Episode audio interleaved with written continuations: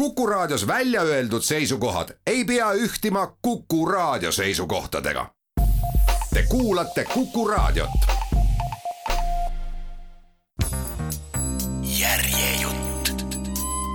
Karlo Levi, Kristus jäi pidama Ebolis, tõlkinud Heete Sahkai, Loomingu Raamatukogult. järjejutt. hulk aastaid on mööda läinud aastaid täis sõda ja niinimetatud ajalugu. elu on pillutanud mind siia ja sinna, nii et ma pole veel saanud täita lubadust, mille ma lahkudes talupoegadele andsin, ega nende juurde tagasi minna ja mul pole aimugi, kas ja millal ma selle üldse täita saan. aga suletud maailmas nelja seina vahele suletuna on hea minna mälus tagasi sinna teise maailma, mis on kinni valus ja tavades, kuhu pole asja ajalool ega riigil igavese kannatlikkuse maailma. oma lohutule ja rõõmutule maale, kus elab talupoeg oma muutumatus tsivilisatsioonis. kõigest kaugel ja viletsuses, viljatul pinnal, kõrvuti surmaga. meie ei ole risti inimesed, ütlevad nad. Kristus jäi pidama ebolis risti inimene tähendab nende keeles inimest. see on vana ütlus, mida ma olen kuulnud väga palju kordi Nende suus väljendab see võib-olla lihtsalt lootusetut alaväärsuskompleksi. meie ei ole risti inimesed, me ei ole inimesed, meid ei peeta inimesteks. me oleme loomad, koormaeeslid, isegi vähem kui loomad, vaimud, tondid, kes elavad oma vaba teemoni või ingli elu, samal ajal kui meie peame taluma risti inimeste maailma, mis on teisel pool silmapiiri, kannatama selle raskust ja võrdlust aga sellel ütlusel on palju sügavam tähendus, milleks, nagu sümboolse väljenduse puhul ikka, on sõnasõnaline tähendus. Kristus jäi tõepoolest pidama Ebolis, kus maantee ja rong eemalduvad Salerno rannikust ja merest ning sisenevad Lucania trööstitutele aladele. Kristus ei jõudnud siia ega ka mitte aeg ega individuaalne hing ega lootus ega põhjuste ja tagajärgede seos, mõistus ega ajalugu. Kristus ei jõudnud siia, nagu ei jõudnud ka roomlased, kes valitsesid suurtel maanteedel ega kippunud mägedesse ja metsadesse, ega kreeklased, kes õilmitsesid rannikul Metapontos ja Sibaris mitte ükski söakas õhtumaalane ei toonud siia tunnetust aja liikumisest ega riigi teokraatiat ega lakkamatut tegutsemist, mis saab toitu iseendast. keegi pole puutunud seda maad teisiti kui vallutaja või vaenlase või mõistmatu külalisena. aastaajad voolavad üle talupoegade töö ja vaeva täna samamoodi nagu kolm tuhat aastat enne Kristust mitte ükski inimlik ega jumalik sõnum ei ole kõnetanud seda muutumatut vaesust me räägime eri keeli. meie keelest ei saada siin aru. suured rändurid ei väljunud oma maailma piiridest, nad käisid oma hingeradadel, hea ja kurja, moraali ja lunastuse radadel. Kristus laskus juudi moraali maa-alusesse põrgusse, et murda maha selle väravad ajas ja pitseerida need igavikus. aga siia, pimedale maale, kus pole pattu ega lunastust, kus kuri ei ole moraalne, vaid on maine valu, mis kätkeb igavesti asjades, Kristus ei laskunud. Kristus jäi pidama ebolis. saabusin Gallianosse ühel augustikuu pärastlõunal väikeses autologus. mul olid käed kinni ja mind saatis kaks tursket riigiesindajat, kellel olid punase triibuga püksid ja ilmetu nägu tulin siia vastu tahtmist, valmis kõike mustades värvides nägema, sest mul oli ootamatult kästud lahkuda oma senisest elupaigast Grassanost, kus ma olin Lucaniat tundma õppinud. see läks esialgu vaevaliselt. Grassano, nagu kõik siinsed külad, seisab valgena troostitu mäe otsas nagu väike kujuteldav Jeruusalemm kõrbe üksinduses mulle meeldis ronida küla kõige kõrgemasse punkti, tuultest piitsutatud kiriku juurde, kust avaneb igas suunas vaade lõputu silmapiirini, mis on kogu ulatuses ühesugune. ümberringi on valkias üksluine puudeta maastik nagu meri, kauged valged külad, igaüks oma künka otsas. Irsina, Krako, Montalbano, Salandra, Pistici, Crotole, Ferrandina, röövlite maad ja koopad, võib-olla sinnani välja, kus on meri, Metaponto ja Taranto. mulle tundus, et olen hakanud tajuma selle lageda maa hämarat väge ja see oli mulle armsaks saanud. mul oli kahju ära minna mul on loomupäraselt valus ennast lahti rebida, seetõttu olin meelestatud vaenulikult uue küla suhtes, kus mul tuli elama harjuda. küll aga oli mul hea meel reisi üle, võimaluse üle näha kohti, millest olin nii palju legende kuulnud ja mida ma endale ette kujutasin seal Pasento orgu piiravate mägede taga. sõitsime üle jääraku, kuhu oli kukkunud Grassano puhkpilliorkester aasta eest hilja õhtul Atsetuura keskväljakult mängimast tulles. sest peale saavad surnud pillimehed kesköösiti jääraku põhjas kokku ja puhuvad oma pasunaid. Aukartus ja hirm sunnivad karjuseid sealt eemale hoidma. aga meie sõitsime sealt üle päise päeva ajal, päike säras, Aafrika tuul kõrvetas maapinda ja alt savijärsakute vahelt ei kostnud ainsatki heli San Mauro Fortes, veidi maad ülesmäge, olid küla sissesõidu juures näha vaiad, mille otsa oli aastaid röövlite päid torgatud. seejärel sisenesime Achetura metsa, mis on ühena vähestest alles kunagi kogu Lucaaniat katnud põlislaantest. Lucus a non lucendo. tõepoolest, tänapäeval on see nii. Lucaania metsade maa on täiesti paljas ja kui ma nägin lõpuks jälle puid, varjulist metsaalust, rohelist rohtu, lõhnavaid lehti, oli see minu jaoks nagu reis haldjate maale. siin oli röövlite kuningriik. Veel tänapäevalgi ainuüksi kauge mälestuse tõttu minnakse siit läbi kummalise kõhedustundega. aga see kuningriik on üsna väike. õige varsti jääb see selja taha ja tee jätkub ülesmäge Stiljanosse mille keskväljakul elab juba sajandeid iidvana vares Marko, nagu mingi kohalik jumal, ja lendab mustana kivide kohal. pärast Stiljanot laskub tee Sauro orgu, kus on lai valgete kividega kaetud jõesäng ja vürstkolonna kaunis Oliivisalu saarel, kus Potenza peale marssivad Borghesi röövlid purustasid persaljeeride pataljoni. siin tee hargneb ja Agriorgu viivalt maanteelt tuleb keerata vasakule, alles mõne aasta eest rajatud kitsukesele auklikule teele. hüvasti Grassano, hüvasti kaugelt nähtud või ettekujutatud maad. me oleme teisel pool mägesid ja sõidame rappudes üles Gallianosse, mis veel hiljuti ei tundnud ratast. Gallianos saab tee otsa. kõik tundus mulle ebasümpaatne küla ei ole esmapilgul nagu küla, vaid käputäis laiali pillatud maju, väikseid ja valgeid, mille armetuses on teatavat pretensioonikust. ta ei asu mäe tipus nagu kõik teised, vaid omamoodi korrapäratu kujuga kurus sügavate maaliliste jäärakute vahel ja ta pole esmapilgul range ja hirmuäratav nagu kõik teised siinsed külad sealpool, kus tee külla jõuab, on mõned puud ja veidike rohelust, aga just see iseloomutus mulle ei meeldinudki. olin juba harjunud Grassano alasti ja dramaatilise tõsidusega, kooruva krohviga, nukra ja salapärase mõtlikkusega.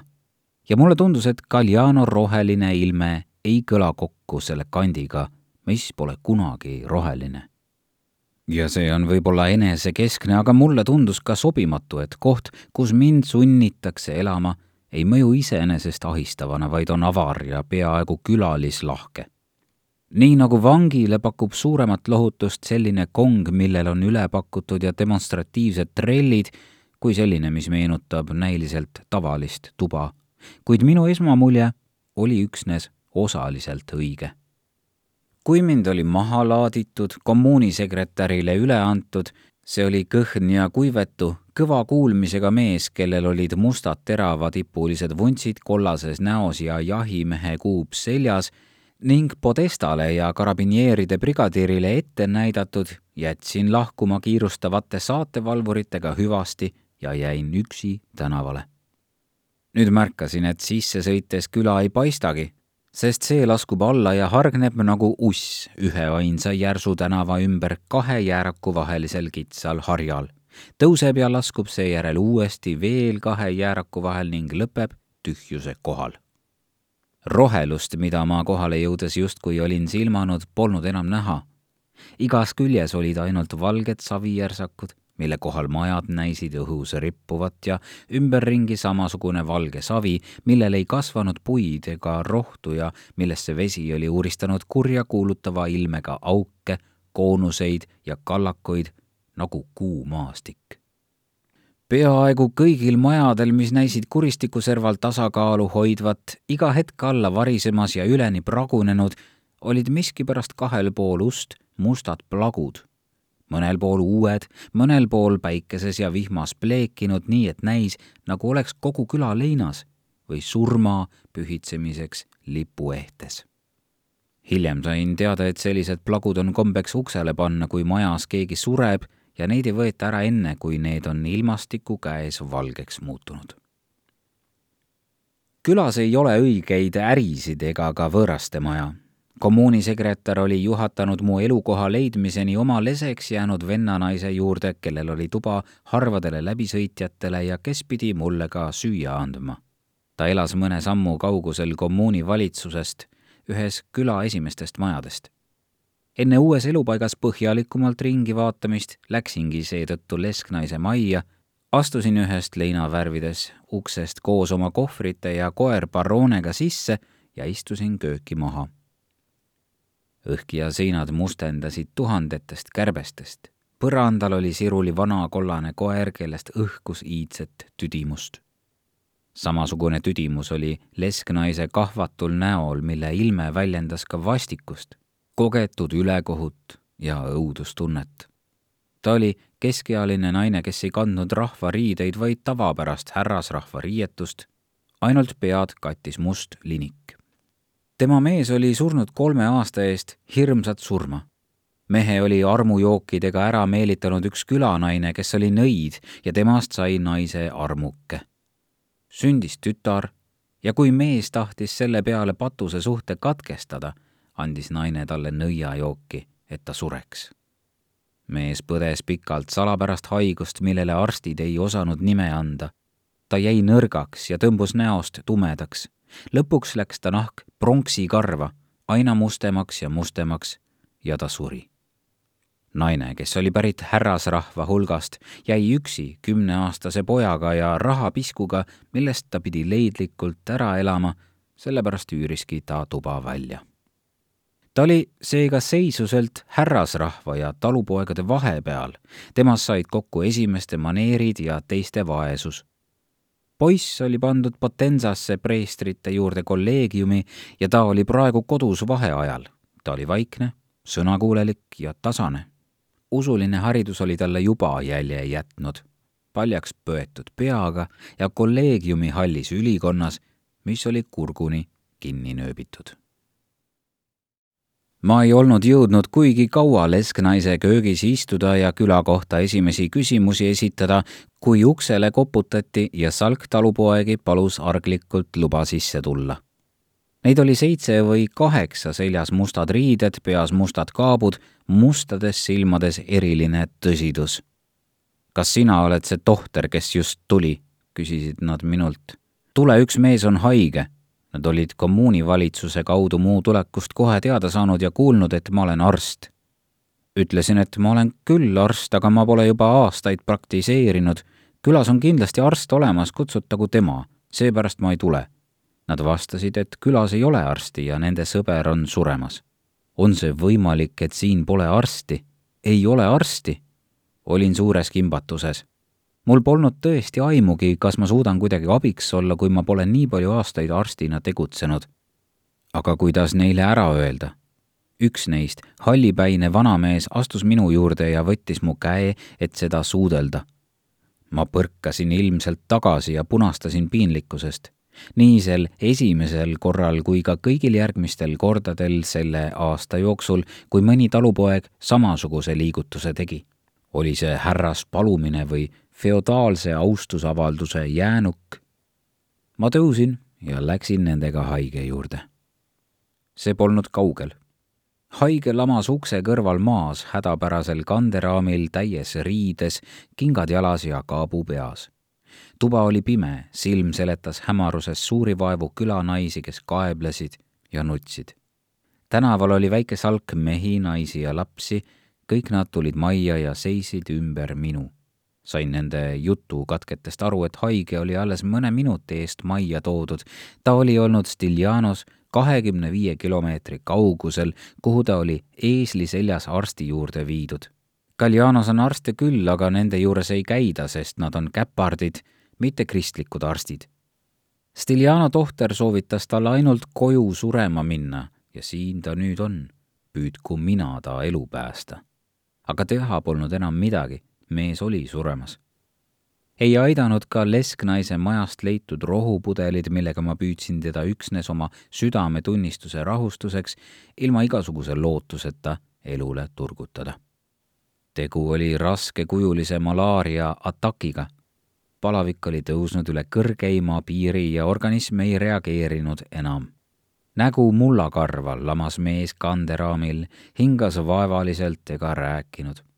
Ümberringi kaeveldi, veidi aja pärast oli ta surnud. mulle tehti ruumi ja ma läksin üksinda välja keskväljakule, kust avaneb vaade üle jäärakute ja orgude Sant'Arcangelo poole. oli loojangu aeg, päike laskus Calabria mägede taha ja pikeneva varju ees ruttasid kauguses väiksena paistvad talupojad savipaljandite vahel mööda teeradu kodu poole keskväljak on õigupoolest lihtsalt küla ainsa tänava laiendus ühes tasasemas kohas, kus lõpeb Üla Kaljano, küla kõrgem osa. siit läheb tänav uuesti natuke ülesmäge ja laskub siis jälle üle veel ühe väikese platsi Ala Kaljanosse, mis lõpeb varingu koha serval keskväljakul on majad ainult ühes küljes, teises küljes on madal müür ja selle taga kuristik, mida kutsutakse Fossa del Bersaglieriks sest sinna oli visatud üks Piemonte persaljeer, kes oli röövlite ajal siinsetesse mägedesse ära eksinud ja nende kätte vangi langenud. oli videvik. küla kohal lendasid varesed ja keskväljakule kogunesid õhtuseks vestluseks kohalikud härrased. Nad käivad siin igal õhtul jalutamas, istuvad madalale müürile, selg viimase päikese poole ja jäävad jahedust ootama, süüdates odavad sigaretid. teisel pool nõjatuvad majaseinte vastu põllult tulnud talupojad, kelle hääli pole kuulda. Podesta tunneb mu ära ja hõikab mind, ta on pikk, suur ja paks noormees, pumatiga võitud musta sassis juuksetakuga, mis langeb laubale, sileda kollase täiskuu näoga ja väikeste mustade ja õelate silmadega, mis on võltsid ja rahulolevad ta kannab kõrge säärega saapaid, ruudulisi ratsapükse ja lühikest kuube ning mängib ratsapiitsaga. tema nimi on professor Magalone Luigi. ainult et ta pole professor. ta on Galliano algkoolis õpetaja. aga tema peamine ülesanne on hoida silma peal külla asumisele saadetutel. sellesse töösse paneb ta, nagu mul on hiljem võimalust tõdeda, kogu oma teotahte ja innu. oli ju tema ekstsellents, prefekt, nimetanud teda, nagu ta leiab kohe võimaluse mulle teatada oma kileda kastraadihäälega, mis kõlab peenikese ja rahulolevana tema kogukast kerest, Matera provintsi kõige nooremaks ja fašistlikumaks podestaks mul ei jää muud üle, kui koos professoriga selle üle heameelt tunda ja professor informeerib mind otsekohe külaelust ja sellest, kuidas mul oleks paslik ennast üleval pidada. külas on mitu asumisele saadetut, kokku kümmekond inimest. ma ei tohi nendega kohtuda, sest see on keelatud. pealegi on nad pööbel, töölised, rahvarämps. mina seevastu olen härra, seda on kohe näha professor on silmnähtavalt uhke, et saab esimest korda teostada oma võimu härra üle, maalikunstniku, arsti, haritud inimese üle. ka tema on haritud mees, et ma teaksin.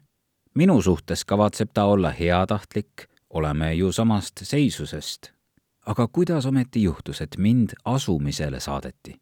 ja just tänavu, kui Isamaa nii suureks saab aga tema kinnituses on veidi kartust Aafrikas sõda on alles algamas. loodame, et kõik läheb hästi. loodame. igal juhul on mul siin hea olla. küla on tervisliku kliimaga ja jõukas. natuke malaariat, tühiasi. talupojad on peaaegu kõik väikemaaomanikud vaeste nimekirjas, ei ole praktiliselt mitte kedagi. küla on provintsis üks rikkamaid. aga ma pean ette vaatama, sest siin on palju halbu inimesi kedagi ei tohi usaldada, nii et parem, kui ma kellegagi läbi ei käi. tal on palju vaenlasi. ta oli kuulnud, et ma olin seda talupoega ravinud. see on suur õnn, et ma siin olen ja saan arstina tegutseda. parema meelega ma ei teeks seda, ei tule kõne allagi. tal oleks selle üle tõeliselt hea meel. näe, väljaku teisest otsast tuleb tema onu, vana doktor Milillo, kommuuniarst ärgu ma kartku, küll ta ise hoolitseb selle eest, et onu ei pahandaks, kui ma temaga konkureerin. ja üldse, onu ei lähe arvesse. aga mis puutub teise arsti, kes seal parasjagu üksinda jalutab, siis temaga tuleb mul valvas olla. ta on kõigeks võimeline.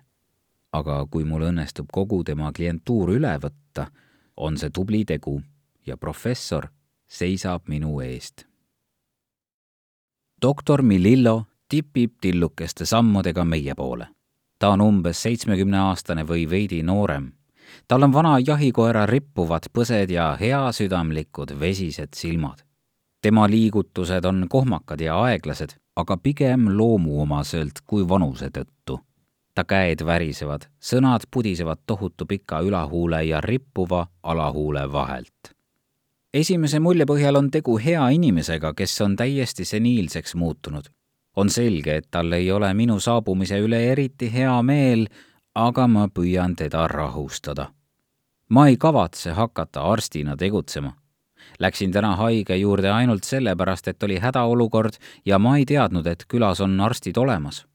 doktor rahuneb seda kuuldes ja tunneb nagu õepoegki kohustust oma haritust demonstreerida otsides pimedatest mälusoppidest välja mõne iganenud meditsiinitermini, mis on sinna ülikooli aegadest jäänud, nagu pööningule unustatud sõjatrofee. aga tema pudistamisest saan ma aru ainult ühte.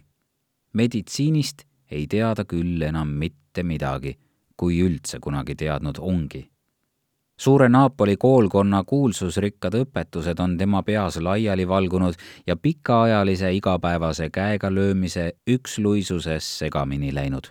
tüdimusse uppunud teadmiste riismed hulbivad sisu kaotanuna hiniini merel. ainus ravim kõigi haiguste vastu. juhin doktori teaduse ohtlikult pinnalt eemale ja küsin küla, selle elanike ja siinse elu kohta head inimesed, aga primitiivsed, eriti naistest, hoidke eemale. Te olete noor mees, kena noor mees, ärge üheltki naiselt midagi vastu võtke, ei veini ega kohvi, mitte midagi joodavat ega söödavat. Nad panevad sinna kindlasti armujooke sisse. Te meeldite kindla peale siinsetele naistele kõik nad hakkavad teile armujooke tegema, ärge külanaistelt kunagi midagi vastu võtke ka Podesta on sama meelt. Armujoogid on ohtlikud. Need on ebameeldiva maitsega, lausa vastikud. tahate teada, millest neid tehakse?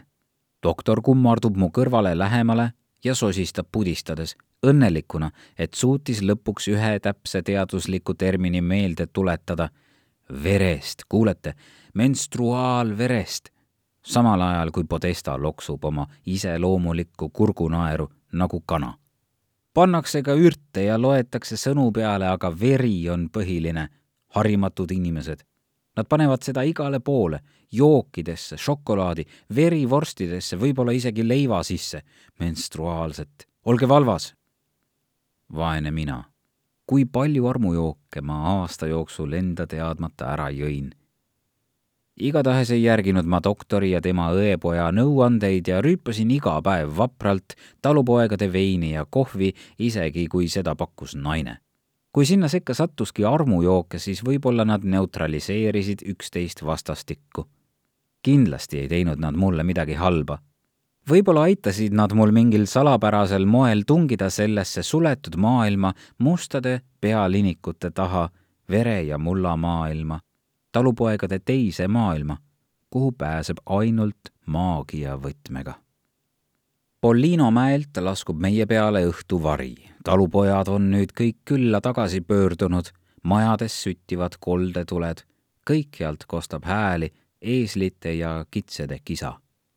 keskväljak on täitunud kogu kohaliku härrasrahvaga Podesta vaenlasel, üksinda jalutaval arstil, on ilmselgelt suur huvi minuga tutvust teha. Ta tiirutab meie ümber aina koomale tõmbuvaid ringe tehes nagu saatanlik must puudel. ta on vanem mees, kogukas, kõhukas, kummis rinnaga, halli kikkhabemega ja vuntsidega, mis ripuvad väga suure, tihedalt kollaseid puseriti hambaid täis suu ees tema nägu väljendab tigedat umbusku ja pidevalt halvasti talitsetud viha, ta kannab prille, peas on tal omalaadne silinder kübaraga seljas, must hõredaks kulunud redingot ning jalas vanad viledad püksid. ta hoiab peos suurt musta puuvillase riidega kaetud vihmavarju, iga kord, kui ma teda edaspidi näen, kannab ta seda avatuna tähtsalt pea kohal, täpselt püstloodis, nii suvel kui talvel, vihma ja päikesega nagu püha baldahiini oma autoriteedi tabernaakli kohal. Doktor Tšibilisko vahutab vihast. paistab, et vaese mehe autoriteet on päris kõva hoobi saanud. talupojad ei kuula meid, nad ei kutsu meid, kui haigeks jäävad, ütleb ta mürgiselt ja raevunult, nagu ketserlust häbimärgistav paavst. või ei taha nad maksta tahavad, et neid ravitaks, aga maksta ei taha, aga küll nad saavad seda omal nahal tunda ise nägite täna seda vennikest, ei kutsunud meid, läks Stiljanosse, kutsus teid, nüüd on ta surnud ja paras talle. selle punktiga nõustus, kuigi vaoshoitumalt, ka doktor Milillo, kes kinnitas, nad on ju kangekaelsed nagu eeslid, tahavad oma aru järgi teha. annad neile hiniini, annad hiniini, aga nemad ei taha võtta, midagi pole parata. püüan rahustada ka Tšibiliskot et ma ei kavatse temaga konkureerima hakata, aga tema silmadest vaatab vastu umbusk ja kahtlus ning tema raev ei ole jahtunud. Nad ei usalda meid, nad ei usalda apteeki. muidugi kõike seal olla ei saa, aga on võimalik hakkama saada. kui pole morfiini, saab kasutada apomorfiini. ka Tšibilisko, nagu Milillogi, tahab mulle oma tarkust demonstreerida aga ma mõistan peagi, et ta teab veel palju vähem kui vanamees. ta ei tea üldse mitte midagi, räägib huupi. ainus asi, mida ta teab, on see, et talupojad on olemas üksnes ja ainult selleks, et Tšibilisko neile visiite teeks ja visiitide eest raha ja toitu võtaks. ja need, kes talle pihku jäävad, peavad maksma ka nende eest, kes kõrvale hoiavad. arstiamet on tema jaoks lihtsalt õigus feodaalne õigus matside elu ja surma üle otsustada. ja kuna vaesed patsiendid eelistavad selle jus negatsioonise eest kõrvale hoida, äratab talupoegade õnnetu lambakari temas alalist raevu, metsloomalikku vihkamist see, et ravi tagajärjed ei ole enamasti letaalsed, ei tule kindlasti mitte heade kavatsuste puudumisest, vaid lihtsalt sellest, et ka risti inimese oskuslikuks tapmiseks on siiski üht-teist teada vaja. tema jaoks pole vahet, millist ravimit kasutada, sest ta ei tunne ega tahagi tunda neist ühtegi Need on tema jaoks lihtsalt relvad oma õiguse teostamiseks. sõjamees võib ju aukartuse äratamiseks kinnitada oma suva järgi vööle kas ammu või mõõga, pistoda või püstoli või kas või malai krissi. Tšibilisko õigus on pärilik.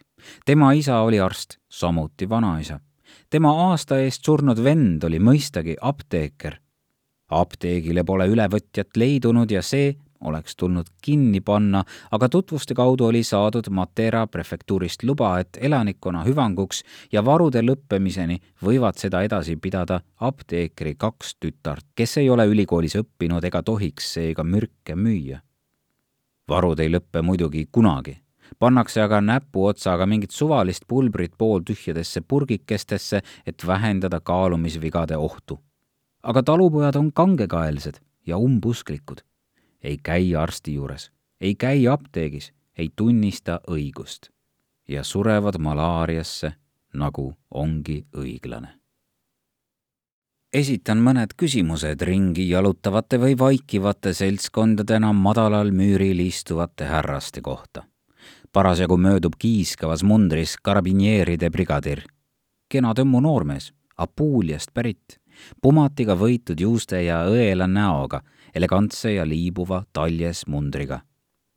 läikima löödud saabastega, lõhnastatud, tõtliku sammuga ja üleolev temaga vahetan ma ainult mõne üksiku sõna, ta vaatab mind eemalt nagu kurjategijat, kellel tuleb silma peal hoida.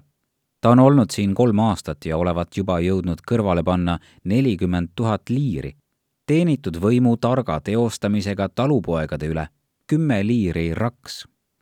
Tema armuke on küla ämmaemand, pikka kasvu, kuivetu ja veidi kookus naine suurte romantiliste, säravate ja raugete silmade ja pika hobuse näoga halvasti riides, toimekas, ülepaisutatult tundeliste žestide ja kõnemaneeriga nagu provintsi varietee diiva. brigadir peatub hetkeks, et öelda midagi pooli hääli Podestale, kelle parem käsi ta on. Näen neid edaspidi alatasapikalt salanõu pidamas, võib-olla selle üle, kuidas paremini korda hoida ja võimu prestiiži tõsta. aga juba liigubki ta edasi, hüvasti jätmata, mõõtes meid ülevalt alla ja suundub oma sõbratari ukse poole väljaku teises otsas. või väisab ta äkki hoopis maffiakaunitari, nagu sasistatakse, asumisel olevat sitsiillannat, kes elab ämmaemanda maja taga, silmi pimestavat musta ja roosat olevust, keda pole kunagi näha, sest oma kodukandi kombe kohaselt varjab ta oma ilusaladust majaseinte vahel ning on saanud loa käia kommuunivalitsuses allkirja andmas ainult üks kord nädalas mitte iga päev, et paremini oma privaatsust hoida.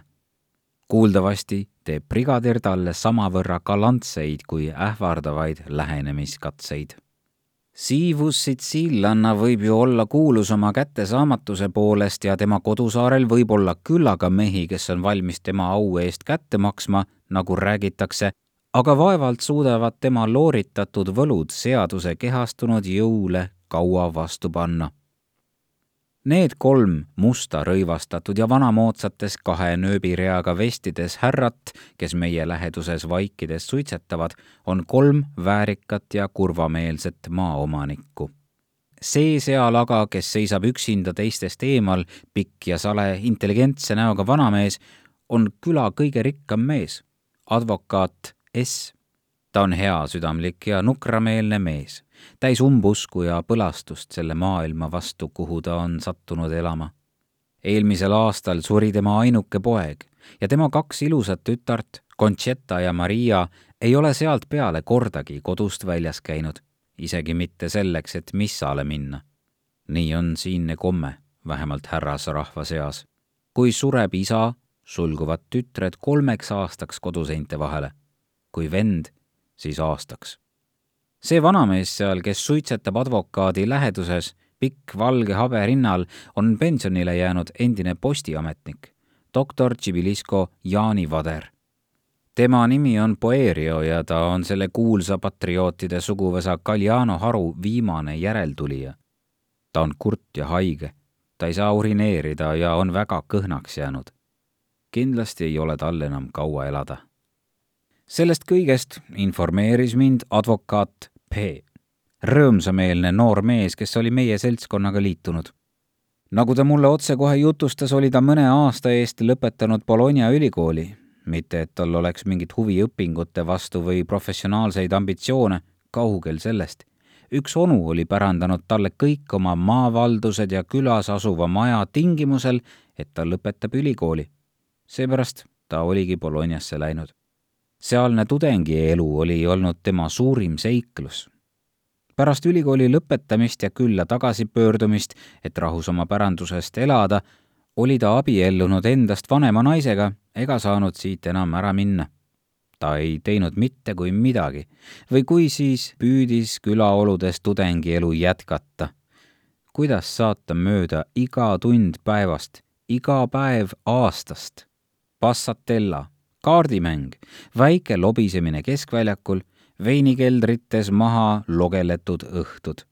oma onupäranduse oli ta suuremalt jaolt Bolognas maha mänginud juba enne, kui oli selle kätte saanud. kõik maavaldused olid nüüd hüpoteegi all, sissetulekud kasinad, perekond kasvas. aga hea noormees oli endiselt lõbus ja sasipäine Bologna tudeng. see, kes seal teisel pool platsi lärmab, on üks tema Jooma ja Passatella kaaslasi, algkooli asendusõpetaja. ta on täna õhtul purjus nagu peaaegu alati, hommikust saati. aga vein mõjub talle halvasti. ta muutub metsikuks, vihaseks, norib tüli. tema karjumine koolitunnis kostab küla teise otsa. äkki kõik tõusevad ja suunduvad postkontori poole. tänavakumerusele ilmubki kirjakandja, vana naine, kotitäie ajalehtede ja kirjadega, millel käiakse iga päev muulaga Sauro ääres ristteel järel. sealt sõidab läbi bussilugu, mis raputab vaeseid reisijaid mööda sadu käänakuid kaugelt Materast Agri orgu. kõik kiirustavad postkontori juurde ja jäävad ootama, et Don Casimino terase näoga küürakas pakid lahti teeks ja posti ära sorteeriks. see on õhtune tseremoonia, millelt keegi ei puudu ka mina osalen sellel edaspidi iga päev, terve aasta. kõik ootavad postkontori ukse taga, aga Podesta ja brigadir lähevad sisse ja kontrollivad oma ametit ettekäändeks tuues uudishimulikult kõigi kirju. aga sel õhtul jääb post hiljaks. Läheb pimedaks ja ma ei tohi kauem väljas olla. näen longates lähenevat ülempreestrit, väikest ja kõhna meest, suure punase tutiga ripats kübara küljes keegi ei tervita teda. mina pean minema hakkama. vilistan oma koera Baronet, kes jookseb volksates minu ees elevil uue kodukandi uutest lõhnadest, uutest koertest, lammastest, kitsedest ja lindudest ja suundun aeglaselt ülesmäge lesknaise maja poole. järjejutt. Karlo Levi, Kristus jäi pidama Ebolis tõlkinud Heete Sahkai Loomingu Raamatukogult. järjejutt